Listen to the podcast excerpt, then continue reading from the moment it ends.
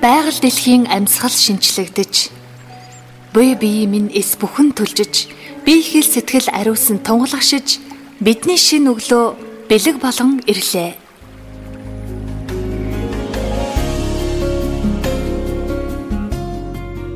Өглөөний гайхамшиг бол өглөө эрт босох төдий биш.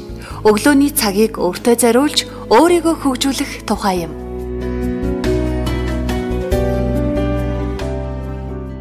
Өглөөний гайхамшиг подкаст.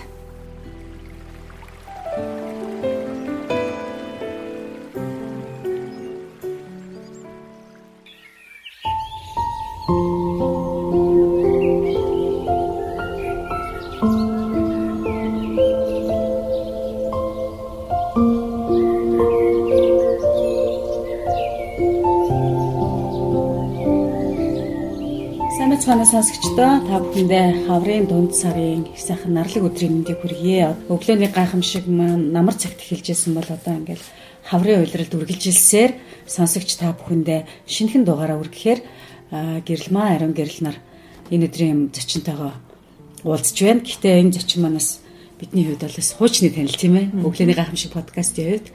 За ингээд өөрсдөө юун төрөө танилцуулъя. Би бол Монголын радиог сэтгүүлж ариун гэрэл За би Дөрхөөгийн гэрэл маань аа өглөөний гамшиг подкаст төслийн санаачлагч өглөөний гамшиг Facebook группийн админ за Grand Book Publishing-ийн үүсгэн байгуулагч юм хүн байна. За манай өнөөдрийн зочин За Мөсөн хууль зүйн сургуулийн 4-р курсын оюутан өглөөний гайхамшиг группийн гишүүн Мигмарти байна. За Мигмарти маань өглөөний гайхамшигт бас зочин болж өргөдөж өглөөний гайхамшиг оюутан номын тухай бидэнтэй яриад илгэжсэн саяхан. За мөн одоо өнгөрсөн 7 хоногт Мигмартоягийн оролцсон подкаст Монголын радиогоор бас дахиад бүрий хэрэг явсан радио өглөөний хөтөлбөрт орсон гэдэг одоо радио хэрэг байнга сонсдог хүмүүс энэ Мигмартояг ичнээ маш сайн таньдаг болсон байхаа гэж би л хөөдөө бодчих. Ингээд нийтдээ 3 удаа орчиж байгаа байхгүй юу? Тий. За одоо харин өнөөдөр бид нар болохоор номын тухай яриа өрнүүлнэ. Тэгээд Малала гэдэг энэ номын тухай яагаад ярих болсон юм бэ гэдгийг юун төрөнд эхлээд Гэрэлмаагаас асууя. За Малала Юсуфзай гээд Нобелийн хамгийн залуу шагналтан Нобелийн их тайвны шагналыг 16 наснда ингэж хүртжсэн ийм залуу бүсгүй. Одоо бол энэ бүсгүй маань 22 настай. Тийм тэгээд 16 наснда Нобелийн шагнал хүртнэ гэдэг бол бас л агуу том амжилт те тухайн үний хийсэн үйл хэрэг ямар ийм далаацтай том байсан бэ гэдгийг зүгээр энэ шагналыг л харахад ойлгох байх гэж бодож байна. Тэгээд Малала Юсуфзайн а гурван ном байдаг монгол хэл дээр намайг Малала гэдэг. За тэгээд энэ ном нь бол хамгийн анхны ном нь. За тэгээд Малала гэд нэрлэлсэн ном буюу хатуу хавцтай ном нь болохоор залуу уншигчдад зориулсан буюу за ахлах анги ангийн сурагчид за тэгээд оюутан залуучууд зориулсан арай хэлбэршүүлсэн юм ном нь байгаа. За тэгээд бүр бага насныхан зориулсан Малалагийн шидэт харандаа гэсэн энэ гурван номны ерөнхий агуулгыг бид нар өнөөдөр ингэж ярина. Одоо Мегмар Тоягийн маань л үеийн бүсгүй болж таарх нь шүү дээ тийм ээ. Мегмар Тоя хэлж өгөөч яг энэ Малалагийн түүхийг уншихад яг өөрөө чинь үеийн эмэгтэй тухай яриа тэнд өрн чинь тэр түүх тэнд уншиж чинь тийм ээ. Тэр сэтгэлийн юм түрүүнд эхлээд валцаач дараа нь их чинь болохоор бас өөрөө намайг уншсан хүний үед а би харин юу гэж бодсон тухайга болж игэл давцуулахгүйгээр хэдүүлээ ярилцъя тийм ээ. За Малала гэж залуу уншигчтай зориулсан номыг бол би уншсан байгаа. Хэд оны өмнө уншаад дууссан. Мэдрэмжэн дээрээ тулгуурлаад пост өчөд хүрсэн. Учир нь юу вэ гэх юм бол энэ хүний түүхийг би ганцаараа мэдээд үлдэх бус бусад эцэг их багш за тэгээ миний өсвөр насныхаа эрэгтэй эмэгтэй гэлгүй бүх хүмүүс уншаасаа гэсэн бодлол төрсэн байгаа.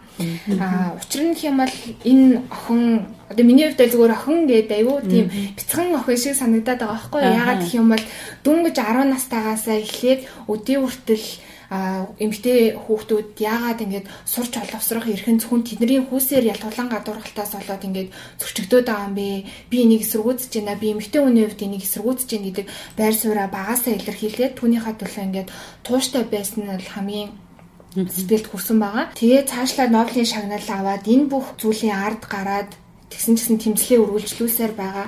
Ерөөсөө ингээд Малала бол маш олон шаналлыг авч маш олон алдартай хүмүүстэй уулзах боломж нь бол ингээд алхам тутамд нэгдэжсэн, эдийжсэн тэр бүгд дээр ингээд сэтгэл нь ханахгүйгээр цаашаа ол тэмцлийг үргэлжлүүлсээр байсан тэр их ирч хүч урам зориг одоо сэтгэлийн гал нь ингэж улам ассан тэр байдал нь бол ялцчгүй номыг бусдаа хуваалцах сэтгэлийг бол надад төрүүлсэн байна. Одоогор бол энэ маллалаа болохоор англи улсад амьдардаг.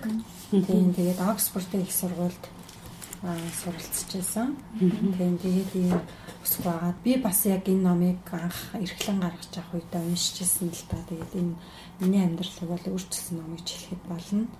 А тэгээ яг тэр үед би ямар мэдрэмж надад төрж исэн бэхээр би 16 настай охин ийм те дэлхийн олон сая охтын эрхийг хамгаалаад явж хахад бид нар өнөөдөр энд те энэ бидний энэ өнөөдрийн бэрхшээлийг хараад байгаа зүйл бол бэрхшээл биш үү юм аа. Энэ охин ямар тэр те өвхөл тэмцэлтэй туулж ингэж гарч ирж байгаа нь тэгэхээр гайхалтай. Ямар тийм дарангуй бурангуй юм нийгмээс ингэж цэцэглэж гарч ирж байгаа нь үнэхээр гайхшлыг төрүүлсэн. Тэгээд би өөртөө дүгнэлт хийлээд илүү хүчтэй болсон гэх юм уу? Илүү ямар нэгэн зүйлийг бэрхшээл хин нэгэн рүү чихэж хин нэг нь гомдож өөрийнхөө хийсэн буруу зүйлийг хин нэг нэг наах гэж оролддог гэсэн бол тэр зүйлээрээс ингэж таягдаж хаягсан энэ номны бас нэг том надад нөлөөлсөн нөлөөлөл байсан. Тэгээ илүү хүчтэй болсон яг энэ номыг унсныхаа дараа. Одоо ч гэсэн талибанчууд байгаа. Талибууд одоо тэр Свати хөнди буюу их нутагт нь байсаар байгаа. Одоо хүртэл буундууд тэнд гарч байгаа. Одоо хүртэл тэнд террорист халдлагууд ингээ гарч байгаа гэл яг юм орчин нөхцөл. Тэгээд Малалагийн номыг сүүл рүүгээ Английн Бирмингемд одоо ингээ байж байгаа. Тэгээд э, ахуй амжиргаа орчин нөхцөл нь шал өөр тийм ээ өөр ертөнцид очсон. Тэгээд гэр бүлээрээ амар тайван буун дуугүйгээр амьдарч байгаа хэрнээ нутгаа гэж санаж байгаа. Ээж нь ялангуяа их ганцаардаад яг нутгаа тэмүүлж байгаа. Тэр нутагт нь яаж байгаа бол гэсэн тэр сэтгэлийг яг тэр номын төгсгөл бүлэг рүү уншиж хахад бас огшдгийг шүү дээ тийм ээ. Хичнээн өөрөө сайхан биеэ амар хараад дэлхийд дахинд ингээд тийм танигдсан маш мундаг юм алдартай хүн болцсон ирнэ.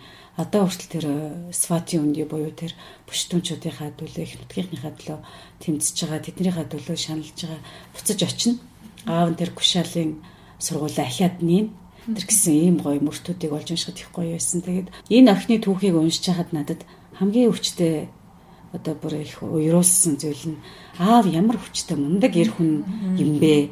Тэр эцэг Юсуф Сай гэдэг хүн энэ Малала гэдэг охиныг хүүхэд гэж голохгүйгээр жаахан охин байхаас нэхлээл аавынхаа үр дээр суугаад улс орны нөхцөл байдал, хүний үзэл санаа, үзэл бодолтой, ихтгэл үнэмшилтэй үнэнч байх их олон зүйлийг ааваас шууд авсан. Дээр нь аав нь өөрөө их мундаг юм амьдралын идэвхтэй, боловсралтай хүн сургууль хүртэл байгуулаад одоо сургуулийн захирал хүн тэгсэн хэрнээ ээж нь буюу одоо өөрийнхөө гэргээ гэж сонгож авсан хайрлаж дурлалцсан тэр эмэгтэй нь болохоор огт бичих гэсэхгүй. Тэгээд тэр нутагт э, эмэгтэй хүний үгийг ер нь сонсдоггүй. А гэтэл э, энэ аав нь болохоор ээжсэн дандаа асуудаг тийм ээ. Тэгээ тор пикай гэдэг эхнэрээсээ дандаа пикай ийм юм болж чинь чи юу гэж бодож байна уу? Одоо ингмээр чи яаж гинөө гэдэг ингээ асуудаг. Энэ уур амьсгал одоо эдний нутагт юу байдаггүй. Тийм тэгэхээр огт тийм байдаггүй ийм орчинд малалаа өөрөө өссөн. Энэ орчныг би болгосон хамгийн чухал юм бол аав нь. Тэгээ тийм мундаг ингээ аавын охин учраас одоо малалаа их амьдралын хамгийн чухал үнцэнтэй зүйлээ одоо ингээ багасаа мэдрээд олоод төрцөн. Тэгээд энэ жоохон охин байхын л малаалаа чинь би гэвлэр зөөхгүй л гэдэг байсан байл шүү дээ тий. Тэр өмсөхгүй зөөхгүй зүгээр гээд. Тэг яаж тэгж чадчихна. Гэтэл тэр амьдарчсэн орчин нөхцөлд нь болохоор юу гэвлэргүй явах байтугай одоо хамаатны юм уу нөхөртэйгөө л гадуур явахыг зөвшөөрдөг. Тийм өстэй хүнд хэцүү нөхцөл байлаа шүү дээ тийм ээ. Тэгэл тэр халуунд чинь ямар сандаа тэр тамийн тоогоо гэж зөрсөн байсан шүү дээ. Тэр нөгөө бурдуг гэдэг байгаа тэр хувцсыг бурдуг бурдуг гэд ингээд бичээд байгаа л да. Тэгээ тэр хувцс буюу одоо тэр нүмрэг гэвлүүр бол халуун тэр нартад яг тамийн галтаа тамийн тоогоо ийм л байдаг болов гэдэг тийм мэдрэмж өгдөг. Тийм аимшигтай халуун юм дотор эмгтэй хүмүүс хүлцээд явдаг. Гэтэл тийм амьдрал донд малала бүр жоохоо охин байхыг хинч тэр зааж өгөөг байхад би зөөхгүй би энэ гэвлүүр нүрийнхээ урд өрнжуулахгүй ингээд гээд анханасаа явж тэмцэж эхэлсэн. Тэгээ ер нь энэ малалагийн түүх өөрөө Өстэй юм ичидийн гимээр санагдсан. Одоо чи тэр нүүрлүгөө бодуулсан юм лээ шүү дээ. Бүр зөө нүднийх нь ухархаагаар дамжаад даланд нь очиж сумнуулдсан. Тийм юм дундаас амьд гарсан гэдэг чинь өөрөө их итгэмээргүй. Одоо би ингээд олон жилийн өмнө уншижсэн яг 2016 онд гарчсан байхгүй юу манай нөө. Тийм тэгээд яг цагаан сартаа уралдаал гаргачихсан байна. Манай байгууллагууд хамгийн анхны ном ш. Ямар баяр. Малалаагаар эхэлжсэн. Тэгээд тэр тэр үед ч малалаа чи яг мандчихлаа. Илүү одоо нөгөө дэлхийн нийтийн бүр ингээд цуурайдчихсан айгу л те. Тэгээд тэр үед би яг өөрийнхөө өнцгөөсийг харчээ. Одоо ингээд уншихаар яг ээж гэдэг өнцгөөсөө бас харж байна. Яг одоо миний ах өсвөр наснд байна. Миний хүү өсвөр насны одоо босгон дээр явж байна. Тэгэхээр би яг энэ аав шиг юм энэ ээж шиг те ийм хүн байж чадах уу? Чадж байгаа юу? гэдэг тэр хүүхдийнхаа зүрх сэтгэл тэр галыг би асууж чадж байгаа юу гэдэг асуултыг өөрөөсөө асуух төрж юм л да. Тэгэхээр чиний хувьд арай яг дөнгөж сайхан уншсан уншаад дуусч байгаа шүү дээ те 2 3 юм. Тэгэхээр чиний хувьд яг энэ дээр ямар бодол төрж байсан бэ? Ээж хүний хувьд. Одоо жишээ нь Малалагийн ээж одоо академик буюу одоо юм боловсрал юу гэм бэ сургуулиар олж авах боловсрал байхгүй юм л дээ. Гэхдээ сэтгэлийн боловсрал гэдэг юм уу? Хүнийг ойлгож хайрлах, орчлон хорвоогийн энэ учир начирт одоо их тийм өөр хандах тийм юм цаад мөн чанарын боловсрал их өөртөө юм бэлээ. Одоо жишээлбэл ээж нь одоо ёс журмаа айхтар байрдаг. Айхтар ихтгэл үнэмшилтэй. А тэгсэн хэрнээ охиноо хизээч буруутгах чагаагүй. Буюу малалаг өөрөөр нь байхад тэгээд нөхөр нь ингээд тухайн үед баг юм тэрсч юм шиг тийм айхтар галтай цогтой үзэл санаа гаргаж тэгээд гэр бүлтлээрээ ингээ явж байхад тэр бүгдийг хүндэтгэж чимээг өнгөрөөдөг байсан. Тэгээд бичний хүнд хэцүү дутуу хуцуу цаг үед ч гэсэндээ юм сэтгэлээрээ дүүрэн байлгахад энэ ээж бол ямар мундаг нөлөө үзүүлвэ. Хичнээн энэ одоо эцэг Юсуф заа их мундаг байлаа гэхэд эхнэр нь тийм байгаагүй бол тий. Ээж нь тийм байгаагүй бол хэцүү шттэ. А гэтэл тэр ээж өөрөө айхтар тийм ёс жаяг дунд айхтар хүнд хэцүү нийгэмд цаг үед улс оронд амьдарчээж яг тэднэртэйгээ харахад ингээд адилхан хэв маягаар амьдраад байгаа юм шиг хэрнэ. Охин малалаа бол их олон газар бичсэн байсан. Ээж минь намайг ингээ бодсондоо хоригдаг эсвэл одоо санаан зовдөг зөндөө их үг хэлдэг байсан ч гэсэн би үгүй ээжээгээд хэлээ гарахад ээж минь дуугүйх надад миний төлөө залбираал үлддэг байсан гэж байгаа байхгүй. Энэ нөхөр нь бол байгаа аль хэдийн талибанчуудын бай болцсон байхад эхнэр бол тэгээ тийм айдас тунд хэрнээ залбираал эрүүгөөл явчихсан. Одоо ойлгол хүлийн зөвшөөрөл охиноо ч гэсэндээ адилхан. Хорвоо ертөнцийн амьтай бүхэн эрүүлэнх байг. Хорвоо ертөнцийн амьтай бүхэн амар амгалан оршиг. Хорвоо ертөнцийн амьтай бүхэн элэг бүтэн амьдраг. Хорвоо ертөнцийн амьтай бүхэн элбэг хангалуун байг. Өглөөний гайхамшиг подкаст. Өглөөний гайхамшиг подкаст энэ удаа Малалагийн номын тухай ярилцж байна. Малала гол нь яаж хүмүүс талдарсан юм бэ гэхээр нутгаас нь гаралтай нэг сэтгүүлч урдуу хэл дээр BBC-ийн сайтад нэг блог хөтлөд тэрэндээ нэг хүн хэрэгтэй нэг бодит нэг хүний түүхээр дагнигээд Тэгээ уг нь бол Малалад биш. Малалагийн одоо өөр нэг багшийн хүүхдэд ч илүү хандсан байдаг. Тэгсэн чинь нөгөөх нь болгоомжлоод зөвшөөрөөгүй. А тэгсэн Малала өөрөө аавда би байл та гэд. Тэгээ Гүл Макай гэдэг нэрээр анх блогонд нь орж өөрийнхөө түүхийг бичиж эхэлсэн. Гол нь миний бас нэг хэлэх гээд байгаа нь болохоор Малалагийн түүхэн донд ийм жишээ баримт их олон би. Жишээлбэл Барак Обама цагаан ордонд бэл ш. Тэгээ цагаан ордонд урихт нь хамгийн гол нь хөл алдаагүй. Тантай уулзнаар үр дүн юу байх юм бэ гэж асууж чадсан байна. Айхтар шаардлага байсан. Тэр айхтар одоо дэлхийд тэргүүлж байгаа гүрний ерөнхийлөгчөөс зөвшөөрч байна. Гэхдээ тантай уулзнараа яг ямар үр дүн гарах вэ? Та миний энэ саналыг яг дэмжих үү? Малала хамгийн гол нь мэгтэйчүүдийн охтын энэ эрх гэж ярихад ерөөсөө суурийн суурь нь боловсрал гэдэг дээр л тууштай яцсан. Аав нь ч гэсэндээ кушаал гэж тэр охтын ерөөсөө сургууль хэрэгтэй боловсрал хэрэгтэй гэдэг дээр л ерөөсөө ясмахаараа мэдэрсэн. Тий бат зөксөн. Ийм л хүмүүс юм байлээ. Аа малалааг уншаад альва хүн ингээд зорин зүйлийнхаа төлөө хэрхэн тэмцэж түүндээ хүрдэм бэ? Ямар ир зөргийг дотроо агуулж тууштай явснараа тэр зориод байгаа зүйлтэй баг багаар хүрч болтын бэ гэдгийг харахаас гадна нэг гол анзаарсан зүйл нь болохоор гэр бүлийн харилцаа надад бүр ингээд аюу сэтгэл тоногшсон байхгүй. Тэгээ номон дээр гарсан онцлог ишлээс юм бол миний аав болохоор одоо ингээд шонхор мэд бусдын нисдэггүй газар нисэх дуртай нэгэн харин миний ээж бол аавыг маань ингээд ургаан мот тэмжээд байж идэг эмэгтэй гэж хэлж байсан. Тэгэхээр эндээс зүгээр л ээж нь тэр тунд ингээд нэг гол үүрэг гүйцэтгэхгүй байгаа юм шиг мөртлөө гэр бүлийнхаа бүхий л хүмүүсийг дэмжиж тэнд хамаг одоо ингээд байдгаараа хичээгээд явж байгаа. Тэгэхээр тэр эмэгтэй бас ингээд төвчээрийг харах юм бол гэр бүл эмэгтэй хүний төсвөр төвчээр гэдэг зүйл ямар чухал байд юм бэ?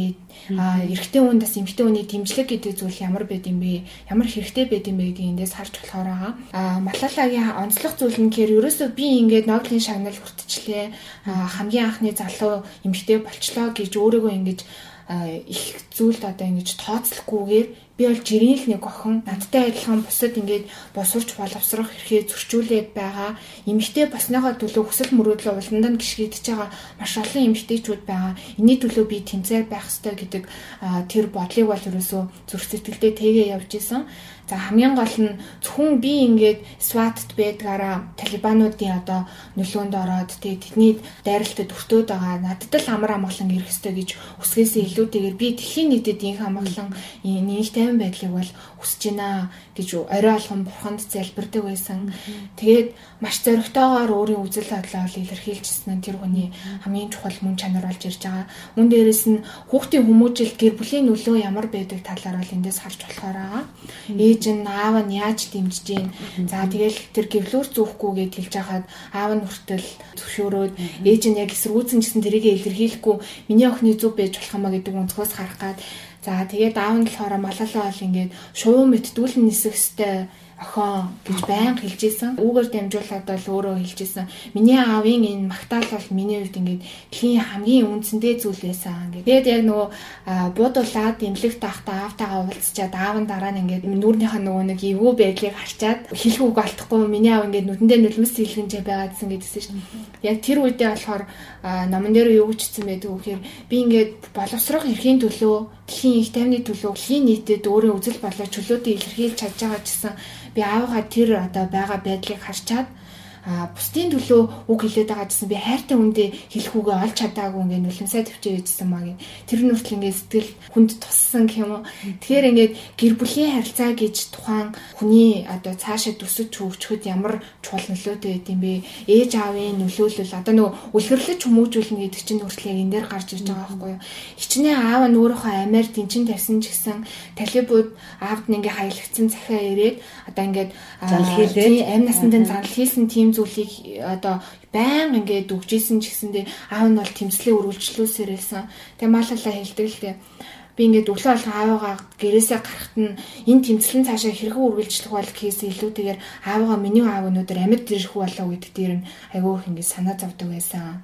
Тэгээ миний ингээд тэр үгүй явдаг гушаал сургуул ингээд дэлбэлтэнд хизээ өртөх бол гэдэг дээр хүртэл би ингээд маш их айдаг байсан. Хуцсныхаа дотор номоо нугаа сургууль руугаа явахтаа хүртэл хин нэг нь намайг гарч ирээд буудчихыг их айдсаас илүүтэйгээр булан тойроод харахад миний сургууль бүрэн бүтэн байх болов гэдгээс эмээдэг байсан. Тэгэхээр энэ хүүхдийн бүр ингээд зүрх сэтгэлдэн дээр сурч боловсрох эрхийн төлөө хүн боловсрал эзэмших ямар чухал юм бэ гэдэг төр зүйл бол ингээд аав нь гэр бүлийнхаа хүмүүжил бат суулгаж хүсний үндсэн дээр бол цаашлаад энэ тэмцэл бол өрнөд өнөөдөр энэ энэ нэмэгтэйг ийм амжилтанд хүрэхэд нөлөөлсөн байна гэж харж байгаа. Пакистан улсад жишээлбэл эмэгтэй хүүхэд төрөхөд баярлдаггүй гэмээр. Хүү төрөхөд баярлдаг. Гэтэл ийм нийгэмд ийм улсад л төрсөн шүү дээ. Гэтэл хүмүүсээс өөрөөс наав нь Малалагийн нүднээс нэг юм олж харсан гэж байгаа байхгүй юу. Тэгээд энэ Малала гэж нэр өгөө. Тэгээд тэдний ургийн нэг бичгэн дээр хүү гарвал нэрийг бичдэг охтыг нэрийг гээдэг нэг тийм бичиг байт юм байл та. Тэрэн дээр жишээлбэл аав нь өвөөг нь харсаар байтал хажууд нь шууд Малала гэд нэрийг бичсэн гэдэг. Тэгээ хүүгийн дайтай охин төрлөө гэж шууд хэлсэн гээд мэдэрсэн юм шүү. Аа юм их хүчтэй хүчрхэг охин төрж ийн гэх. Дээр нь бас нэг сони юм хаавтай нь үзэл бодол нэгтэй. Одоо тухайн газар нутгийн л хамгийн шилдэг одоо арай шинэлэг сэхэтэн хүмүүс цуглаал ингэж яах та. Малалаа бол бидний охин гэж нөгөө бүр бидний охин гэж те. Барыг тэр нь би бодсон шүү дээ. Барыг энэ Пакистан улсын үндэсний охин нь барыг хүмүүс мэдэрдэг байсан байх.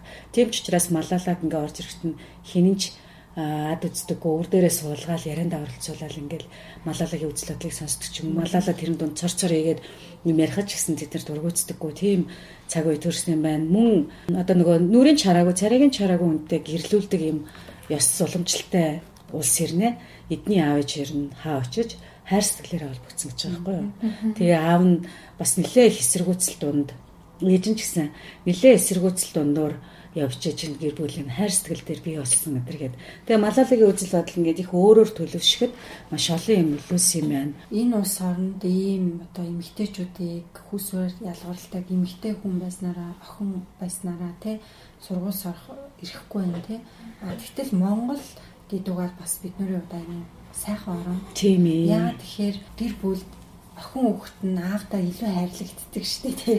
Илүү нандин байдаг тий. Одоо охиноо л яана миний охин одоо том болоод ямар одоо нөхөртөө учирдаг болоо гэдэг баг тий. Охиныхоо өмнөөс ингээл санаан зоваал уйраал хайлаал ингэдэг. Тэгэхээр бид нар их ажиргалтай эмгтээчүүд юм байна. Энэ номыг би одоо жишээлбэл заавал одоо охтууд уншихаасаа илүүтэй аавууд бас ээжүүд уншаасаа тэ эцэг их хүний өөрөг оройл хүүхдээ амьдралын үн цэнийг яаж өөрчилж чаддаг вэ гэдгийг бид нэр зүгээр л энэ жишээнээс харж болж байна. Тэр бүх юмны хаалттай энэ юунд байсан ямар орчин нөхцөлд юу идэж ууж байсан юу өмсөж зүүжсэн те тэр ядуу буруу орноос гаралтай хүүхэд өнөөдөр дэлхийн лидерүүдтэй уулзаад суух боломжийг эцэг их олгоод өгсөн байна л гэж ойлгосон. Чи дөрөв хэлж та нөгөө Барак Обаматай ингээд уулзсан. Ингээд уулзахдаа маш зоригтойгоор хийсэн нэг зүйл нь дэлхийг бас онцлогч байсан. Тэр нь юу байсан бэ гэхээр дэлхийн удирдагчид суманд биш номонд хөрөнгө оруулаач гэдэг уриалгыг яг Барак Обамагийн үүдээс харсууж байгаа хэлсэн. Энэ үг бүр ерөөсөө ингэж бас ямар зоригтой те ийм нэг талаараа шүүмжилж байгаа юм шиг боловч нөгөө талаараа бас ингэ сайн сайхан зүйлд уриалж байгаа Тэгээ энэ охин бол ерөөсөө л дэлхийн удирдгчдын игнэнд ингэж яалтчгүй нөлөөллөөр ингэж орцсон юм байна. Гэрлийг би энэ охины авсан шагналуудаас бас зүгээр хэлье гэж бодож байна л та. Тэгээд одоо жишээлбэл Канада улсын хүндэт иргэн юм билээ. Хүндэт иргэн. За Нобелийн шагналт гэдэг нь бол хамгийн залуу шагналт гэдэг хэлсэн. Дээр нь 2015 онд намайг Малала хэмээн нэрлсэн гэдэг ийм баримтат кинонд Оскарт баримтат киноныхаа төрөлд нэр дэвшижсэн юм байна. За тэгээд энэ охин маань болохоор 2015 онд дэлхийн хамгийн нөлөө бүхий эрхмүүдийн нэгээр тодорч байсан юм байна. Гих зэрэг юм маш их шагнал авсан юм байл л дээ. Зөвөр эндээс би ингээд томоохон гэдэг шагналуудыг бол ингэж хэлж байна л да. Тэгээд сүүл би бас хөөх мөч гэд Мелинда Гейтсийн намыг уншиж байхдаа бас яг Малала охины талаар Мелинда Гейтс номынхоо эхлэл хэсэг дурдсан мэсэн шүү дээ. Энэ дэлхийн эмэгтэй тоогдож те тэр хүний жишээ кейс болж орж ирнэ гэдэг бол маш том үн хүндтэй асуудал шүү дээ. Үн хүндтэй. Тэгвэл яагаад Мелинда Гейтс те дэлхийн олон мянган лидер бизнес эрхлэгч зөндөл лидер эмэгтэйчүүд байгаа те яагаад эднэрийг дурдахгүй мөртлөө малалаа хонцолж яриу гэдэг бас миний бас сонирхлыг нэлээд татчихсан. Тэгээ малалаа ингээд ярианда уулзах үедээ хурал семинар дээр ерөөсөө би гэж ярьдгүү би гэж ярьдаг. А өөрийгөө биш бусдыг ярьдаг. Ийм учраас би энэ номонда бас бусдыг ярья гэж ингэж хэлсэн бас надад бүр вау л да тий бид нар чи ямар мундаг ингээд лидерүүтэй номоор холбогдсон бэ гэдэг бас бахархлыг тэр үе төрүүлж байсан. Сонсогч та өглөөний гайхамшиг подкастыг Монголын үндэсний олон нийтийн радиогийн 3 дугаар сувг P319 FM радио, YouTube, Castbox, SoundCloud, M+ сувгуудаар сонсоорой. Өглөөний гайхамшиг Facebook группт нэгдэж эртэж хүн болоорой. Тэр нөгөө баримтат киног би бас үзчихсэн юм а. Тэгэхэд Малала үзэл санаагаа томоохон үйл хэрэг ингээд яригадаад л энэ киноны гол дүр тэг хамгийн хөвгчлөлтэй нь яг энэ баримт кино ч бас нэлээд хэдэн жилийн өмнө тэр үед нэг хүүхдэрхүүл байсан юм аа. Тэгэхэд жишээлбэл дүү тэгээ тоглоал яг гэртээ. Яг л хүүхэд байгаа байхгүй юу? Яг тоглоал ингээл яг л ингээд жирийн нэг охин өөрөө хүртлийн номынхоо төгсгөл дээр хэлсэн байсан.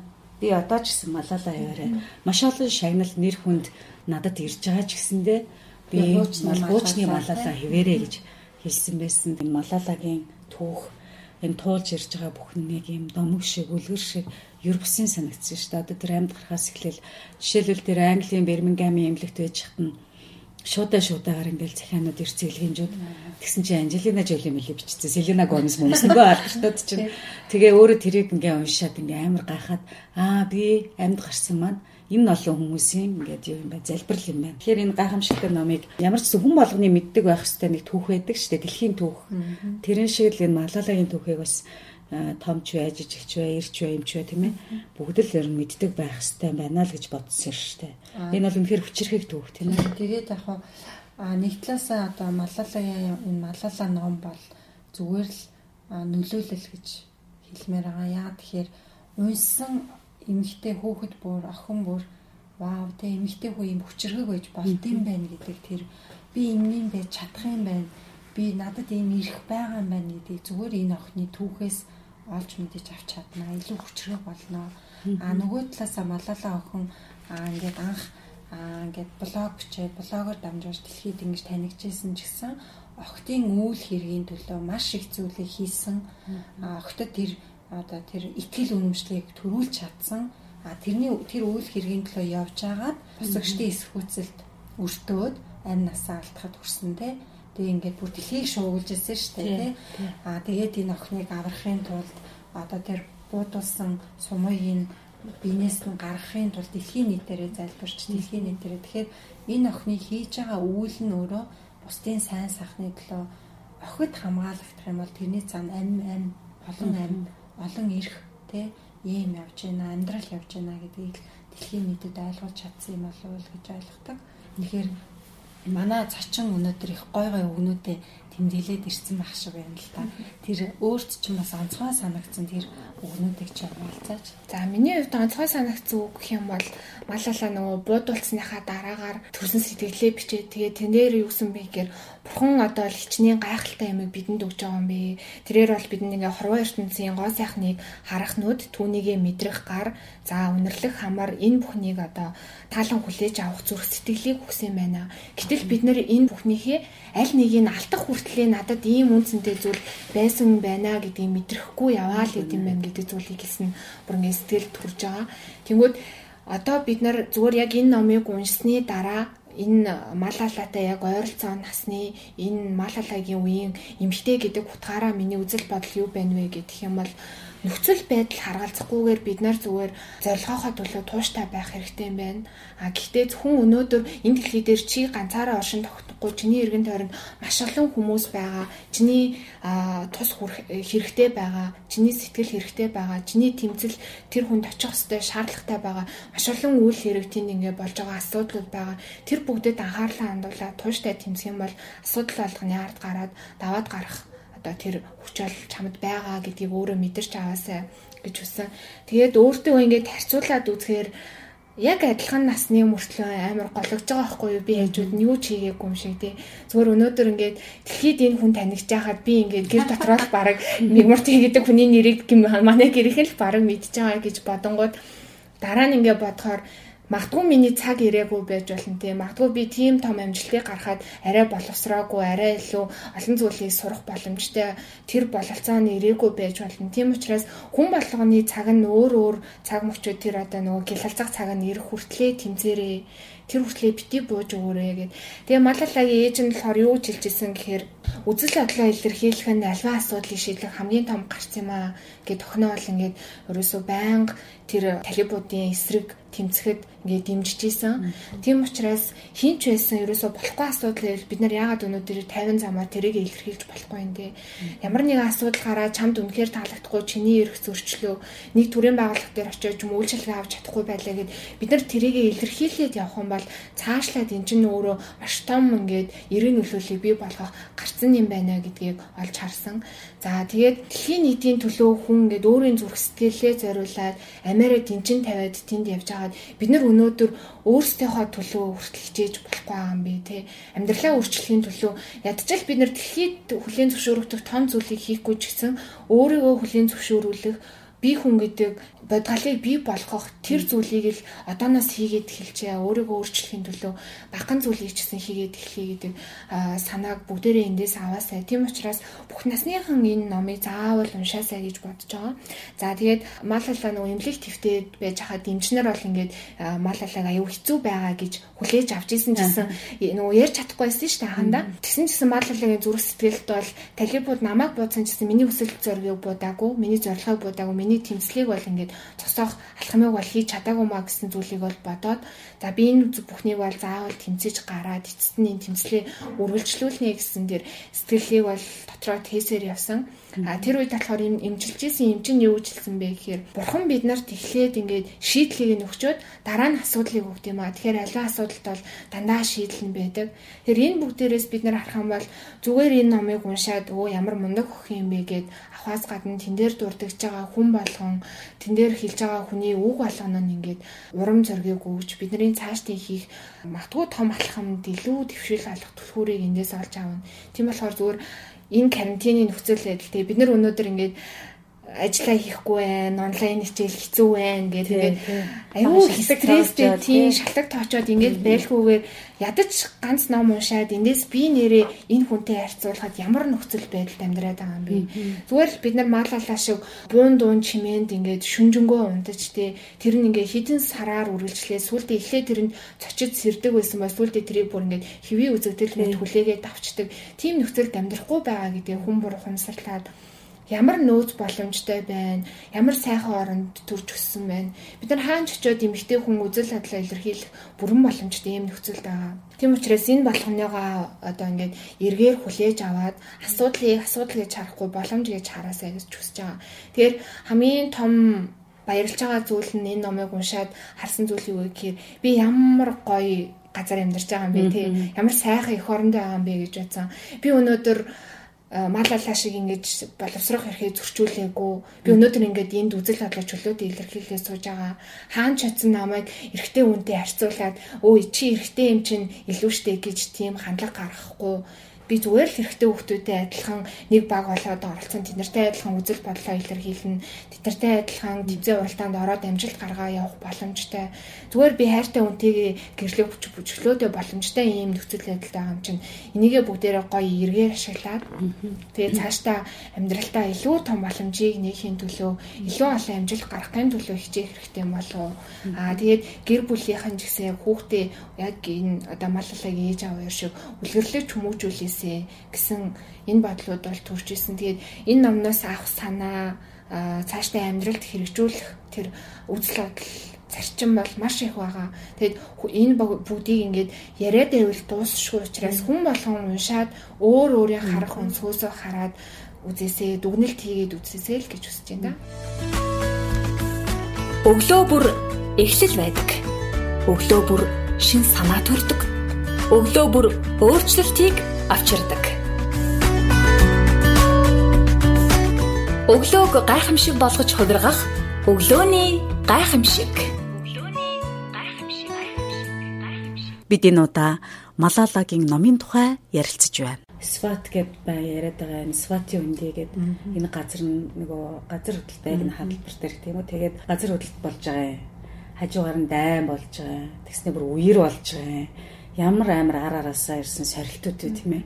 Гэтэл энэ бүхнийг давж туулаад амьдрах гал тэмцэл байгаа хүмүүсийн байж тээ түр. Дээр нь энэ номыг э, редакторлсан одоо бичсэн гол Кристина Ламбрид сэтгүүлч байгаа юм да. Малала болоод Малалагийн одоо гэр бүл нь одоо их нэлээ олон хүмүүсийн яриан дээр түшиглээд энэ Малала зарим нь бичсэн, зарим нь Лам гэдэг сэтгүүлч бичсэн юм шиг байна. Тэгээд маш сайн ном байлээ. Мэдээлэл маш сайтай. Тэгээд дээр нь бид нар ч исламын ертөнцийг би жишээлбэл өмнө нь нэг тэгж сайн мэдтгүй байсан бол энэ Малалагийн түүхийг уншихын хажуугаар Пакистан улс буюу түүний цаанд байгаа исламын ертөнцийн тухай мэдэж авах. Тань мэдхүй түүхийг тий тань мэдхүй их тийм чухал одоо хэрэгтэй л ном байлээ. Тэгээ би бодсон шүү дээ нэг хүмүүс бас тэр түүх талаас нас харах юм бол маш өвөөжтэй ном байлаа. Зүгээр л нэг ганц жишээ хэлэхэд бид нэр одоо энэ лалын ертөнцийн чи исламын шашинтнууд чи анхнаасаа л юм байсан гэж бодтол одоо Малалагийн амьдарч байгаа нутагт тэгэхээр 100000 гаруй буддийн одоо ийм сүм тойр болгосод байдаг буюу өмнө нь одоо энэ ислам шашинтнууд чинь буддийн шашинтай байсан гэсэн тийм сонирм баримтыг энэ номноос олж хараад жишээлбэл би нөхөртөөгөө бүр хоёул бүр гайхаж ярив. Тэгэхээр маш олон талын одоо ач холбогдолтой тийм ач холбогдолтой хэлэх нэг албаны яриа олчих гэдэг. Маш олон талын өвөөчтэй юм тийм ном байлээ. Бурхан биднэрт ямар гоё зүйлүүдийг хэлсэн юм бэ гэдэг Тэгтэл одоо эмэгтэйчүүд тэгдэг штэ талны өмнө гараад ээж намайг нэг өндөр төрүүлчихгүй яа та тийм. Гэхдээ миний энэ хамрыг энэ хамраа өндөрлөх юмсан. Тий. Гэхдээ би одоо яагаад ийм өргөн шанаатай юм бэ те бараг ингээл тийм бишээ. Одоо өнөөдөр та ирүүл ингээд байгаа нь өөрөө бэлэг юм аа тий. Тэгэхээр өөрийнхөө байгаагаараа гоё байгаад хараа юунд би хөрөнгөө зарах, юунд би цагаа зарах юм гэдэг нь л айгуу чухал юм болов уу? Энийг бас энэ малаалаа өөрөө хэлсэн мэсэн шүү дээ, тий. Би багтаа ингээл толинд очиод ээж ингэчгүй, тэгчгүй гээл тий. Ингээл ээждэх гомддог байсан. Тэгээ одоо бол би ерөөсөө нөгөө яг үхэлдээ тэмцэх мөчөд аа өнөөдрийн цаг хүчинд хэдийгээр миний аам хамар ингээд хазаасан мөрөө саазгаа болсон хэдий ч өнөөдөр би ингээд эрүүл амьд байгаа нүрөө маш том билээ юм аа гэж хэлсэн өөрөө маш тийм хүчрэхэг дотоод ертөнцтэй юм бүсгүй юм байна гэдгийг нөгөө өндөр болохоос ингээл мөрөддөг байсгээл өндрөө хэмждэг байснаа тэр нь ингээл үзэл нурангаараа өөрчлөгдөв тийм ээ. Тэр айхтар угаагаад сайн юмш тавьсан нөгөө хүндрэлтэн алдах хүртлээ. Одоо үнцний мэдэхгүйгээр явж байгаа маш олон юм байгаа гэх тээ заавал алдчихэж мэдрэх ёстой юм шиг тэл үгүй гэсэн санаа бас их чухал. За тэгээд Нью-Йорк Таймс шилдэг борлуулалттай. Одоо намаас сэтүүлсэн Малалагийн түүх Монгол хэл дээр байсан Grand Book Publishing хэд хэдэн хувилбараар л юм хүргээд байна да тийм ээ.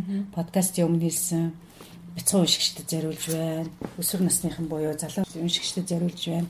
А бүр юм дэлгэрэнгүй буюу бас хувилбар гарах гэж байна тийм За хот бид нэр өдөр ирэх тусам өөрсдөө эрхээ алдж байна. За сургууль бол бидний эрх шүү дээ гэж хэлсэн байгаа. Тэгээ 11 настай байхад нөгөө талибуудаас маш олон сургуулиудыг дэлбэлээд 200 гаруй сургуулийг дэлбэлсэн гэж байгаа байхгүй. Тэнгүүд аавынх нь гушаал сургууль бол яг байгаад байсан. Тэр үед Малалагийн хэлсэн зүйл нь юу вэ гэхээр би одоо дөнгөж 11 настай байтал миний сурах эрх ингээд дуусах юм уу гэх тэр бүр ингээд айгүй сэтгэл түрээд зүгээр энгийн үг боловч хүний сэтгэлийг ингээд хөндөхөр хэмжээний үг болж исэн. За тэгээд ээж нь бол малаалаад үзэл бодлоо илэрхийлэн альва зүйлийг сайжруулах хамгийн том одоо гарц юм а гэж хэлдэг байсан. За бурхан эхлээд арга замыг дараа нь асуудлыг илгээдэг гэж байгаа. За энэ дэр хамгийн онцлог үг нь болохоор амьдрал цаад бэрхшээл үргэлж тохиолддог хэдий ч гэсэн за зорилгодоо хүрэхийн тулд зогсолтгүй урагшлах хэрэгтэй шүү гэж хэлсэн нь бол яг энэ хүүхдийн тэмцлийнх нь эцсийн эцэс эцэс одоо ингээд төгсгөлгүй юм аа би бол энэ зорилготой хүрэхин тулд тууштай байх хэрэгтэй юм аа гэдэг санааг бол энэгээр илэрхийлсэн байгаа. За ингээд ярилцсны эцэст дүгнээд хэлэх юм бол энэ бүгдээс харах юм бол биднэрт маш олон үнэт зүйл байгаа. Бид нар материалыг зүйлээр хэмжих төхөөргүй бид нар үнэт зүйлийг авч төрсөн хүн гэдэг яг энэ бодгал болоод төрсөн байгаа. Тэгэхээр гадаад харагдах үзэмж болон бидний орчин нөхцөлд болж байгаа ямар нэгэн болохгүй саад бэрхшээл бүхэнд бид нар бууж өгөхгүйгээр энэ бүхний төлөө тэмцээр ах юм бол эцэст нь бол сайн сайхан зүйлд хүрдэм байна гэсэн сэдлийг бол энэ намнаас авах болно. За дээрэс нь эхлээд Малалагийн энэ тэмцлийнх нь эхлэл нь бол тэр аавынх нь тууштай байдал, аавынх нь аав нь эхлээл тэр талибануудыг яаж эсэргүүцэж исэн гэдгээс сэдэл аваад Малала бол эмэгтэйчүүдийн хов яриа гэхээс илүүтэйгээр эрчүүдийн тэр нөгөө улс төрийн талаар ярьж байгаа хүчрхэг ярианд дуралдаг. Тэгээ тэднийг ингэж хажуунаас нь чагнадаг, сэмэрхэн чагнадаг, гэрээ ажлаас аль болох цухтаа таадаг гэ.